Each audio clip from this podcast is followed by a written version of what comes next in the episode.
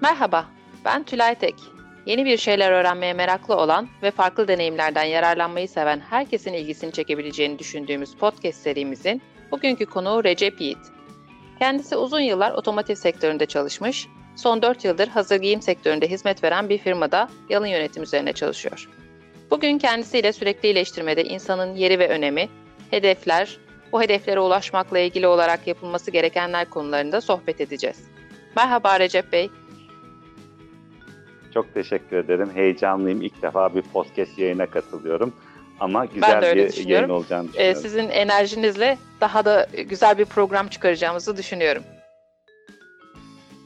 Ha, Ee, harika. öncelikle bize siz kendinizden biraz bahsedebilir misiniz? Neler yaptınız? Şu anda neler yapıyorsunuz? Çok teşekkür ederim. Profesyonel iş hayatımın hemen hemen tamamı otomotiv sektöründe geçti. 1990 yılında Toyota otomotiv sanayinin Türkiye'de yeni bir yatırım yapma kararının içinde yer aldım. Kısmet oldu. Dolayısıyla joint venture olan bir yapıda e, Toyota Motor Corporation ve Sabancı Holding'in birlikte karar verdiği bu yapıda kuruluş aşamasından itibaren görev alma nasibi oldu. Dolayısıyla bu son 4 yıla kadar hemen hemen profesyonel hayatımın tamamı otomotiv sanayinin içerisinde geçti. Bunun çok büyük bir kısmı Toyota kısmında yani OEM kısmında geçti. Geri kalan kısmı ise supplier dediğimiz ana sanayilere e, birinci seviyede parça üreten e, yan sanayilerde geçti. E, fun- function olarak da fonksiyon olarak da insanı yönetmekten, insanı geliştirmekten, insanı motive etmekten, insanla ilgili bütün süreçleri iyileştirmekten sorumlu oldum. Toyota fabrikalarında insan kaynakları yöneticisi olarak çalışırken yine aynı zamanda kısmet oldu. Hem Toyota'nın Avrupa fabrikalarında insan kaynakları projelerinden sorumlu oldum, sorumluluk aldım.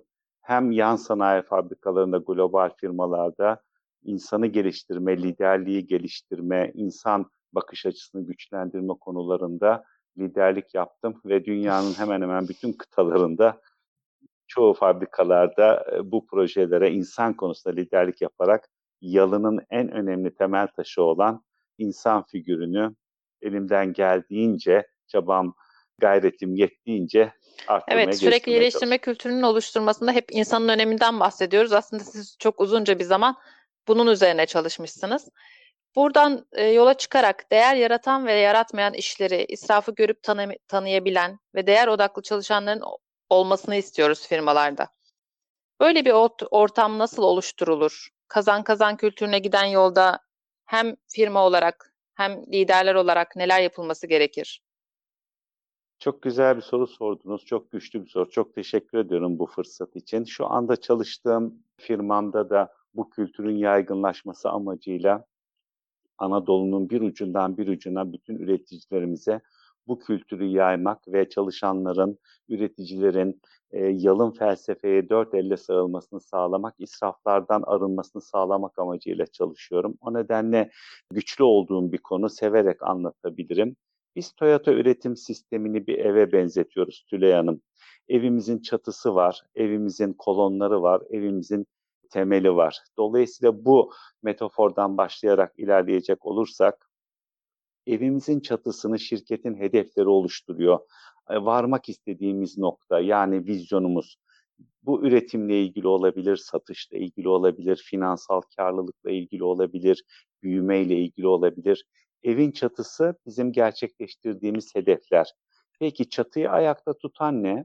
Çatıyı ayakta tutan kolonlar, evi taşıyıcı olan kolonları. Dolayısıyla bunları iyi tanımlamamız lazım. Hangi kolonumuz ne derece görevini yerine getirirse bu çatı dimdik ayakta kalır ve evi gösterir. Çünkü biliyoruz ki evi gösteren çatıdır.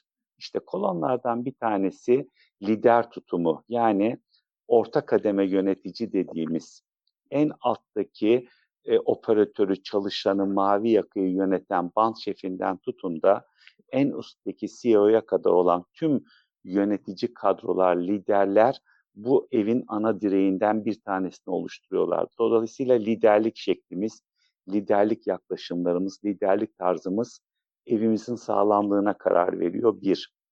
Diğer kolon, ikinci diğer kolon ise iş yapma şeklimiz. Biz bulunduğumuz ortamda, işimizde, evimizde, şirketimizde nasıl iş yapıyoruz? Bunu standart hale getirebildik mi? Kurumda çalışanlar A'dan Z'ye bu iklimi, bu kültürümü sahiplenerek standart bir şekilde hayata geçirebiliyorlar mı? İkinci kolon bu. E sıra neye geldi? Sıra üçüncü ve en önemli kısma geldi, evin temeli. Biliyorsunuz İstanbul deprem kuşağında Anadolu'da da bu depremi çok yaşadık. Sakarya'da yaşadık, Kocaeli'de yaşadık, Düzce'de yaşadık. Dolayısıyla kötü anılarımızda evin temellerinde sonradan yapılan incelemelerde evet, evet. deniz kumu bulunmuştu. Hatırlayın kumların içerisinden deniz kabukları çıkmıştı. Demek ki evin temeli sağlam olmazsa iskambil kağıdı gibi evler yıkılıyor. İşte biz bu şirket ve ev metaforunda evin temelini çalışanların gelişimi olarak tanımlıyoruz. Yani sizin şirketinizin temel direği, en önemli varlığı olan insanın gelişimi çok önemli. Eğer insanı güçlü kılarsanız, bakış açısını güçlü kılarsanız, kaslarını güçlendirirseniz evinizin temeli sağlam olur. O zaman da küçük bir depremde, küçük bir sarsıntıda, küçük bir krizde İskambil kağıdı gibi yıkılmaz. O nedenle yalın gelişimde liderlerin, evin kolonunu oluşturan liderlerin temeli oluşturan çalışanlara yatırım yapması, çalışanları geliştirmesi, bakış açısını geliştirmesi, onlara bu yetkinliği kazandırabilmesi en temel unsur. Toyota üretim sistemi de yüzde yüz buna dayanıyor. Yalın insan kendi gözüyle, kendi özüyle görebilen iyileşmeleri, tespit edebilen, israflardan arındırabilen insan kültürüne dayanıyor. Çok güzel bir metaforla açıkladınız. Bence çok güzel bir yolda ilerliyoruz. Peki şimdi çalışanın gelişimini sağlamak için genellikle şu gözle bakılabiliyor. Eğitimleri verdik. E tamam o zaman şimdi hayata geçirilsin. E, biz eğitimleri verdik, hayata geçiremiyorlar. Ya da bu bakış açısına sahip değil bu insanlar. Bir yerde vazgeçmeye doğru gidebiliyor şirketler, firmalar, liderler. Liderlerin çalışanın gelişimini sağlamak için eğitimleri vermek, farklı bakış açılarını onlara göstermenin yanında neler yapması gerekiyor? Ya da nasıl yol göstermesi gerekiyor çalışanlara? Ne güzel sorular soruyorsunuz. Çok çok kıymetli bu sorularınız. Yetmiyor Tülay Hanımcığım. Sadece eğitim vermek, sadece kağıda imza attırmak, eğitimciyi çağırmak. Daha ne yapalım işte her şeyi yaptık, eğitimci de getirdik yetmiyor her şeyden önemlisi çalışanda bir zihin haritası değişikliği yapmak istiyoruz. Peki çalışanın zihin haritasını önce bir tanımamız lazım. Hangi zihin haritasından onu hangi zihin haritasına ta- taşıyacağız? Dolayısıyla aradaki mesafeyi iyi ölçmemiz ve arada kapanması gereken bu mesafeyi, bu derinliği, bu açıklığı iyi anlamamız lazım. Elimizdeki çalışan profilimize bir bakalım elimizdeki çalışan profilinin bakış açılarını komple değiştirmek, şirketin değerlerine sahip olmasını, kabullenmesini, dört elle sarılmasını istiyoruz. Bunu yapabilmemiz için önce çalışanın o kuruma kendini ait görmesi gerekiyor. Bu değerler zinciri içerisinde ben neredeyim? Çalışan buna bakıyor. Ben kurumda değerli miyim? Sen değerlisin, bravo sana alkış. Bu da değil. Liderler, yöneticiler, şirketin e, yönetsel süreçleri çalışanlara değerlisin, kıymetlisin, sevilmeye layıksın hissettirebiliyorlar mı? Bu çok önemli. Eğer siz bu duyguyu, bu know-how'ı, bu değeri çalışanların kalbine oturtabilirseniz işte o zaman o kollarını sıvıyor, varım abi diyor senin hedeflerin için, senin çatın için, senin KPI'ların için, senin değerlerin için çalışmaya hazırım. Benim, benim için varlığımın sebebi sen olmaya başladın diyor. Peki bunu yapmak kolay mı? Bunu yapmak işte ilk amirin görevi. O yüzden de bu mesajınız çok kıymetli. Kimler dinler, nerede dinler, kimlere ulaşırız bilmiyoruz ama mavi yakayı yöneten ilk hat amilleri. Band şefi diyebiliriz, süpervizör diyebiliriz, formen diyebiliriz. ismi ne olursa olsun. O ekipler çok kıymetli. Toyota bunu bu şekilde yapmış. Şimdi Toyota fabrikalarından örnek verelim. Dünya üzerinde 150 fabrikası var. 5 kıtadan 150 fabrikada binlerce insan çalışıyor. Dolayısıyla mavi yaka yönetimi dediğimiz ki orada mavi yaka kelimesi kullanılmaz. Çalışanlara team member, team takım demektir. Member da üye, takım üyesi denir. Dolayısıyla çalışanlar kendilerini biz beyaz yakalıyız, onlar mavi yakalı, onlar gri yakalı gibi ayrım yapmazlar. Hepsi şirketin bir parçasıyız olarak görürler. Yaklaşık olarak 1-3-15 modeli uyguluyorlar. Yani en alttaki 15 tane takım üyesi bir tane takım liderine bağlı. Her 15 kişinin birer takım liderine bağlı olduğunu düşünün. Üç takım lideri de bir grup liderine bağlı. Yani bunu foreman, vardiya şefi, onun altında da işte çalışanlar gibi düşünebilirsiniz. Böyle olunca ne oluyor? En alttaki mavi yakalıların Türk Türkiye'deki mavi yaka, oradaki takım üyelerinin bağlı olduğu liderler 15-20 kişilik grupları iyi tanıyorlar. Çalışanlarıyla daha sık bir araya geliyorlar. O bantın hedefleri, o prosesin gerçekleştirmek istediği rakamlar, hedeflenen adetler, neyse gerçekleştirmek istenen rüya 15 kişi takım lideriyle birlikte hizalanarak ve bunun önemini anlayarak birlikte hareket ediyorlar. Dolayısıyla bu sistemin içinde insan çok kıymetli. Takım lideri insani olarak çalışanına dokunabiliyor. Onun güvenliğini, onun sağlığını, onun psikolojisini, onun ihtiyaçlarını gözlemliyor, ona dokunuyor bir problemi olduğunda dinliyor. E, bir sıkıntısı olduğunda kulak veriyor. Çalışan ne hissediyor? Ya benim liderim bana değer veriyor. Benim liderim benim sıkıldığım bir anda, sıkıştığım bir anda zamanını bana ayırabiliyor. Benim liderim benden önce benim güvenlik riskimi düşünebiliyor. Benim liderim benden önce sağlığımı düşünebiliyor. İşte bunu hisseden çalışan bu sefer bütün çabasını, bütün yaratıcılığını, bütün performansını o lideri için, bağlı olduğu lideri için vermeye başlıyor. E 500 kişilik bir yeri düşünün, 1000 kişilik bir yeri düşünün, 100 kişilik bir yeri düşünün. Bu çalışanlar 3-5 lider için çalıştığında aslında şirket için çalışmış oluyorlar. Dolayısıyla en alttaki liderin çalışanları nasıl yönettiği, çalışanlara nasıl dokunduğu ve içindeki çocuğu nasıl beslediği çok kıymetli. Özetle değer gören insan kıymetlisin, varsın, sevilmeye layıksın mesajını liderinden alan insan o zaman işte şirketin hedeflerine, o çatıdaki KPI'ları, kurumsal hedeflerini yanına getirmede hiç kimseyi dinlemiyor. Herkesten çok yaratıcılığını, performansını ortaya koyuyor Tülay Hanım.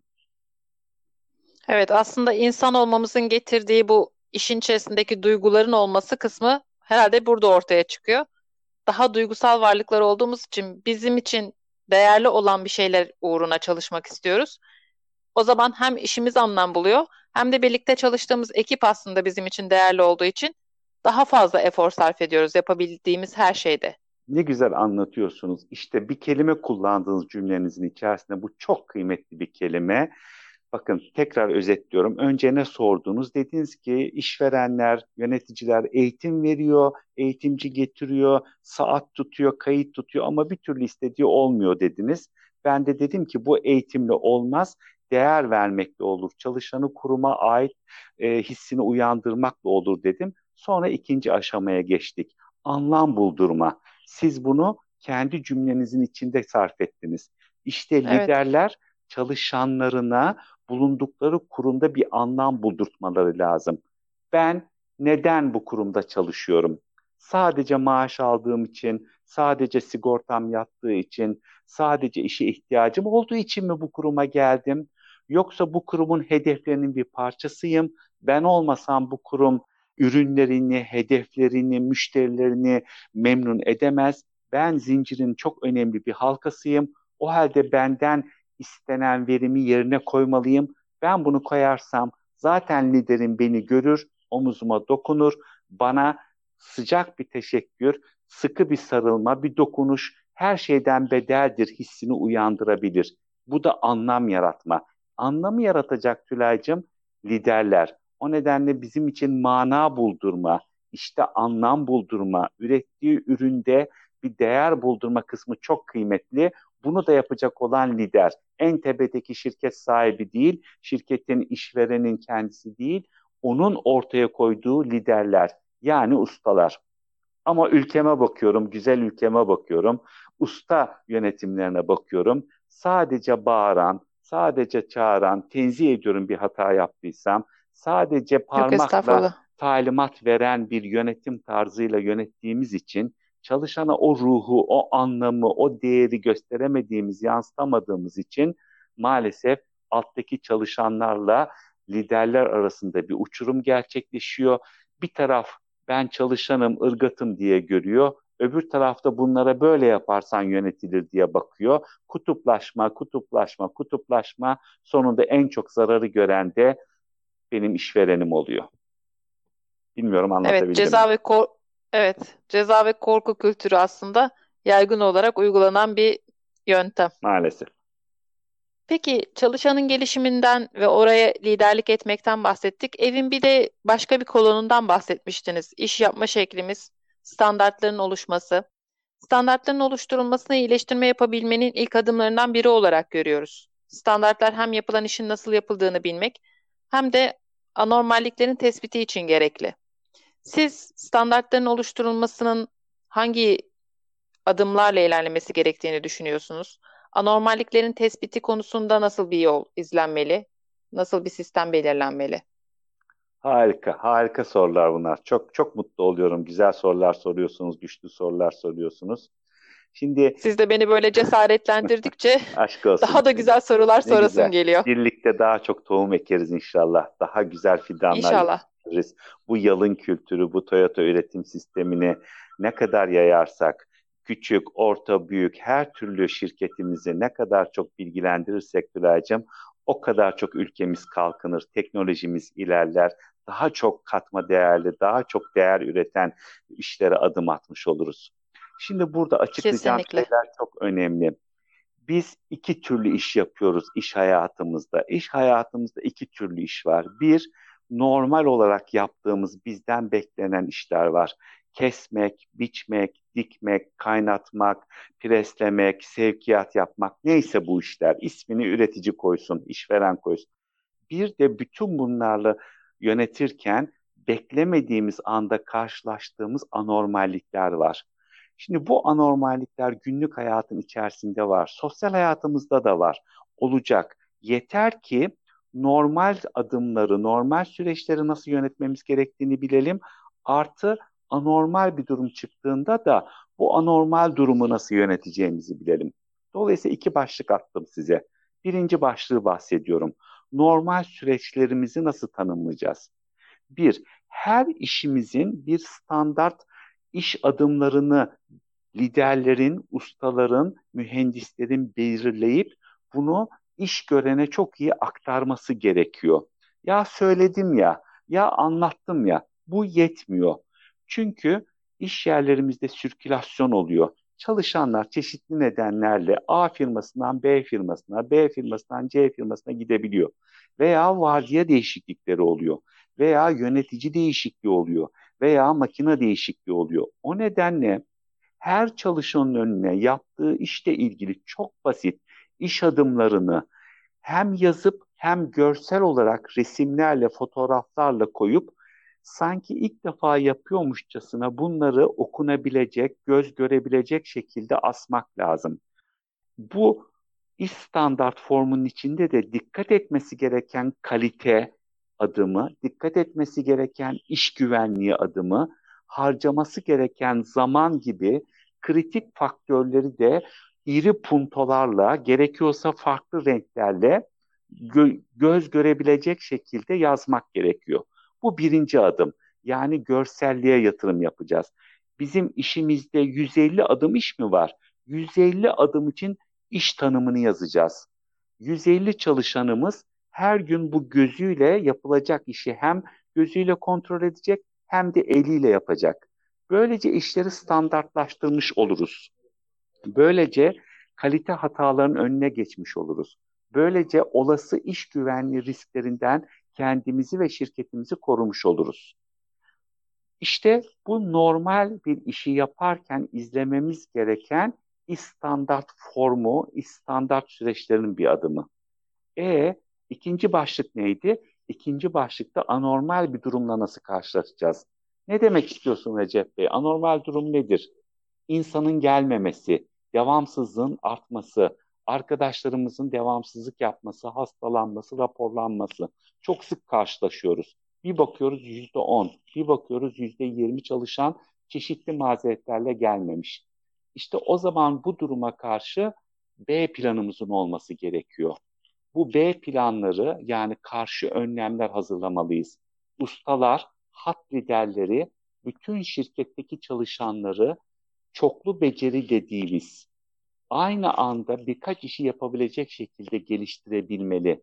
A kişisi gelmediğinde gelmeyen kişinin yerine diğer ekip elemanlarının içinden o işi bilen, sertifikası olan ve bu işin eğitimini almış kişileri oraya kaydırarak çok, çok hızla anormal duruma müdahale edip iş sürecini aksatmadan, müşterinin istediği değeri zarar görmeden üretebilmeli.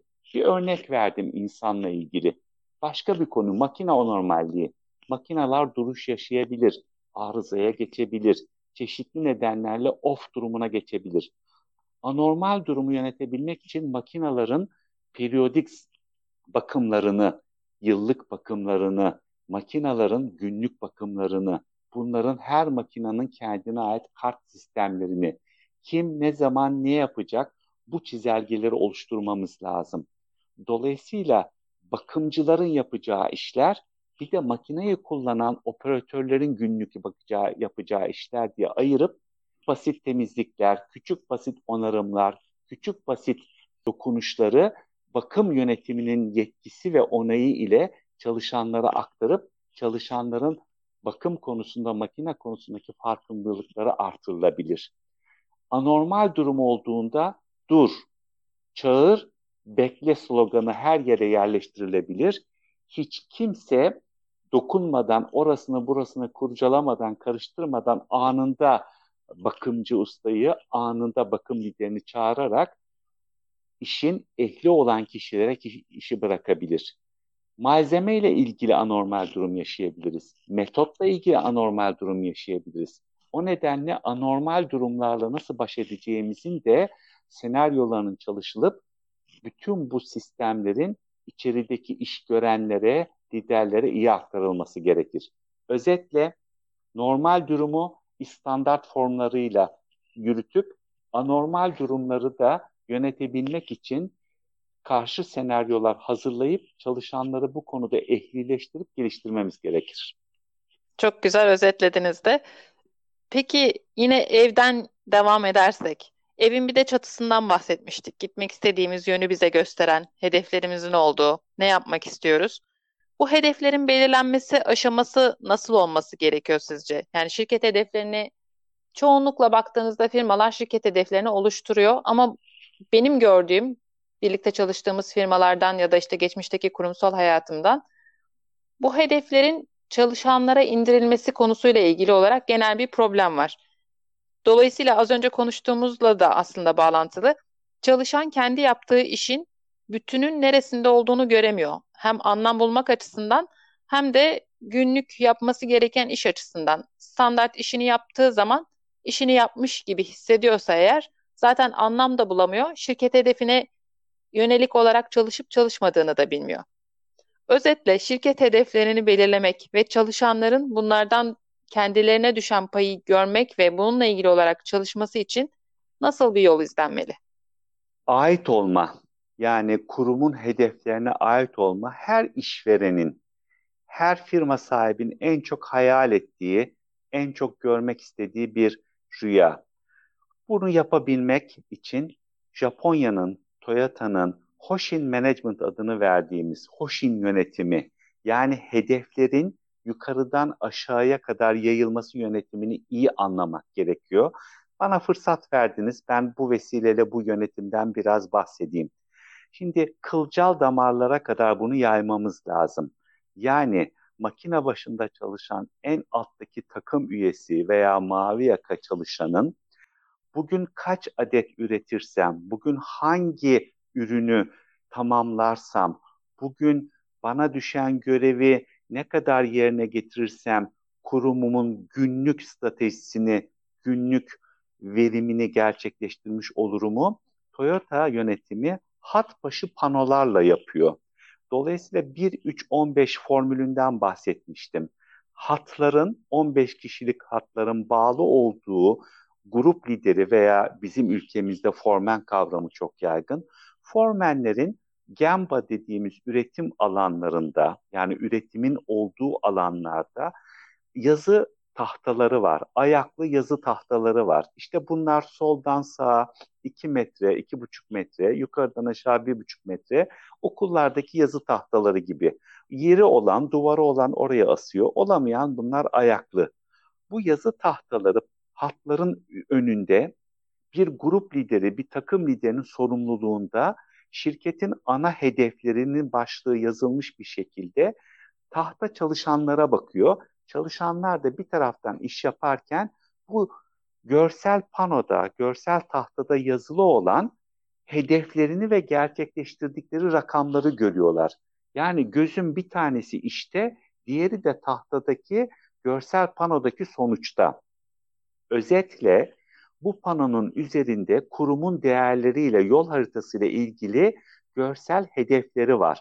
Bunlar A3 formatı kağıtlarda, A4 formatı kağıtlarda ilgili sorumlu grup lideri tarafından asılıyor. Diyelim kurumun değerleri üretimle ilgili, verimlilikle ilgili, maliyetle ilgili, insanla ilgili, iş güvenliğiyle ilgili olsun. Bu saydığım altı başlık panoda eşit bir şekilde bölünerek altı başlık yerleştiriliyor. Diyelim verimlilik.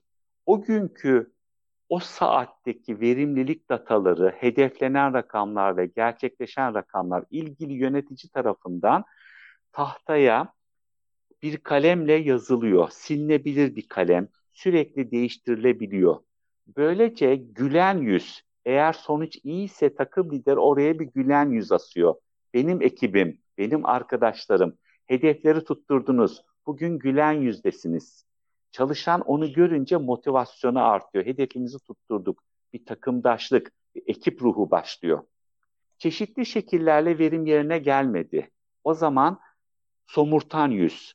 Neden yerine gelmedi? Takım lideri kök neden analizi yapıyor. Günün sonunda diyor ki ekibini topluyor. Arkadaşlar biz hedefimizi tutturamadık. Bakın gülen yüz. Neden tutturamadık? Gelin hep birlikte kök neden analizi yapalım. Nedir kök neden analizi?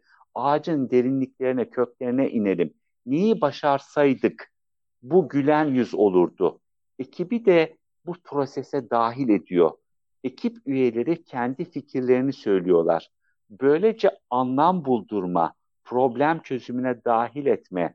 Ne yaparsak bir daha bu somurtan yüzü bizim panomuza astırmayız davranışı, liderlik davranışı kalıcı olarak ekibe yansıyor.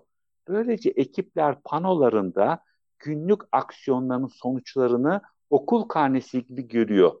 Yeşil renk gülen yüz demek, başardık. Kırmızı renk somurtan yüz demek. Maalesef başaramadık. Hemen toplanalım kök neden analizi yapalım. Sarı renk ortasında biraz daha gayret edersek başarırız. Daha çok dikkat etmemiz gerekiyor. İşte böylece panolar yani hatların başındaki panolar birlikte değerlendirildiğinde kurumun hedeflerinin kılcal damarlara indiği, en alta kadar indiği ve günlük hayatta konuşulduğu rakamlara dönüşüyor. Buradan veriler, buradan datalar toplanıp birleştirilerek bir prosesin sonucu ortaya çıkıyor. Diyelim üretimin sonucu, diyelim kalitenin sonucu, diyelim sevkiyatın sonucu, diyelim müşteri memnuniyetinin sonucu. Bunlar birleşerek çatıyı oluşturuyor. Çatıda ne var? Finansal sonuçlar var, karlılık ortaya çıkıyor. Çatıda ne var? Verimlilik var. Çatıda ne var? Üretim var. Dolayısıyla aşağıdan beslendiği için bunlar tepedeki en üst düzey yönetici hangi dar boğazım nerede gerçekleşmiş? Bant 1 mi aksamış? Bant 3 mü aksamış? band 3 aksadıysa insandan dolayı mı, makineden dolayı mı, metottan dolayı mı, malzemeden dolayı mı? Çünkü o hat bunun çalışmasını kök nedenini yaparak panoya astığı için bunu görüyor.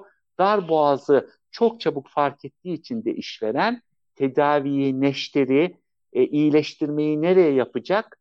Bunun da farkına vardığı için yara kangren olmadan kalıcı hale gelmeden ve bütün vücuta, bütün hatlara bu virüs, bu kötü hastalık yayılmadan tedavi edebiliyor. Genç, dinamik, kanlı canlı bir şirket yoluna devam ediyor Tülay Hanım. Aslında çok geniş bir konu tabii o yalın yönetim, sürekli iyileştirme. Biz bugün insan gelişimi, liderlik, görsel yönetimin ya da işte problem çözme tekniklerinin kullanılması, kök neden analizinin öneminden bahsettik. Sizin eklemek istediğiniz başka bir şey var mı? Çok teşekkür ediyorum. Vaktimiz sınırlı, dinleyenlerin de vakitleri sınırlı. Bence az ve öz olsun. Bugün bu saydığınız başlıklar altında ben deneyimlerimi aktarmış olayım. Umarım dinleyicilerimizin beklentilerini karşılamış oluruz. Eğer yine ilave sorular gelirse, sizin aklınıza gelen, dinleyicilerimizin aklına gelen olursa e, Allah ömür verirse buradayız. Elimizden gelen desteği vermeye çalışırız. Çok teşekkür ederim. Katkılarınızdan zamanınızı ayırdığınız için ben teşekkür ederim. Başka bir programda sizi tekrar ağırlamak benim için çok büyük bir zevk olacak. Deneyimleriniz hakikaten çok da güzel anlatıyorsunuz. Tane tane ve e, detaylı olarak anlatıyorsunuz. İnsanın gerçekten gözünde canlanıyor o görsel panolar nasıl olması gerektiği. Evet, Recep Bey'e teşekkür ederiz. Yeni bir programda yeni konuklarla tekrar görüşmek üzere. Hoşçakalın. Görüşmek üzere. Hoşçakalın. Tüm dinleyicilerime kucak dolusu sevgiler, selamlar.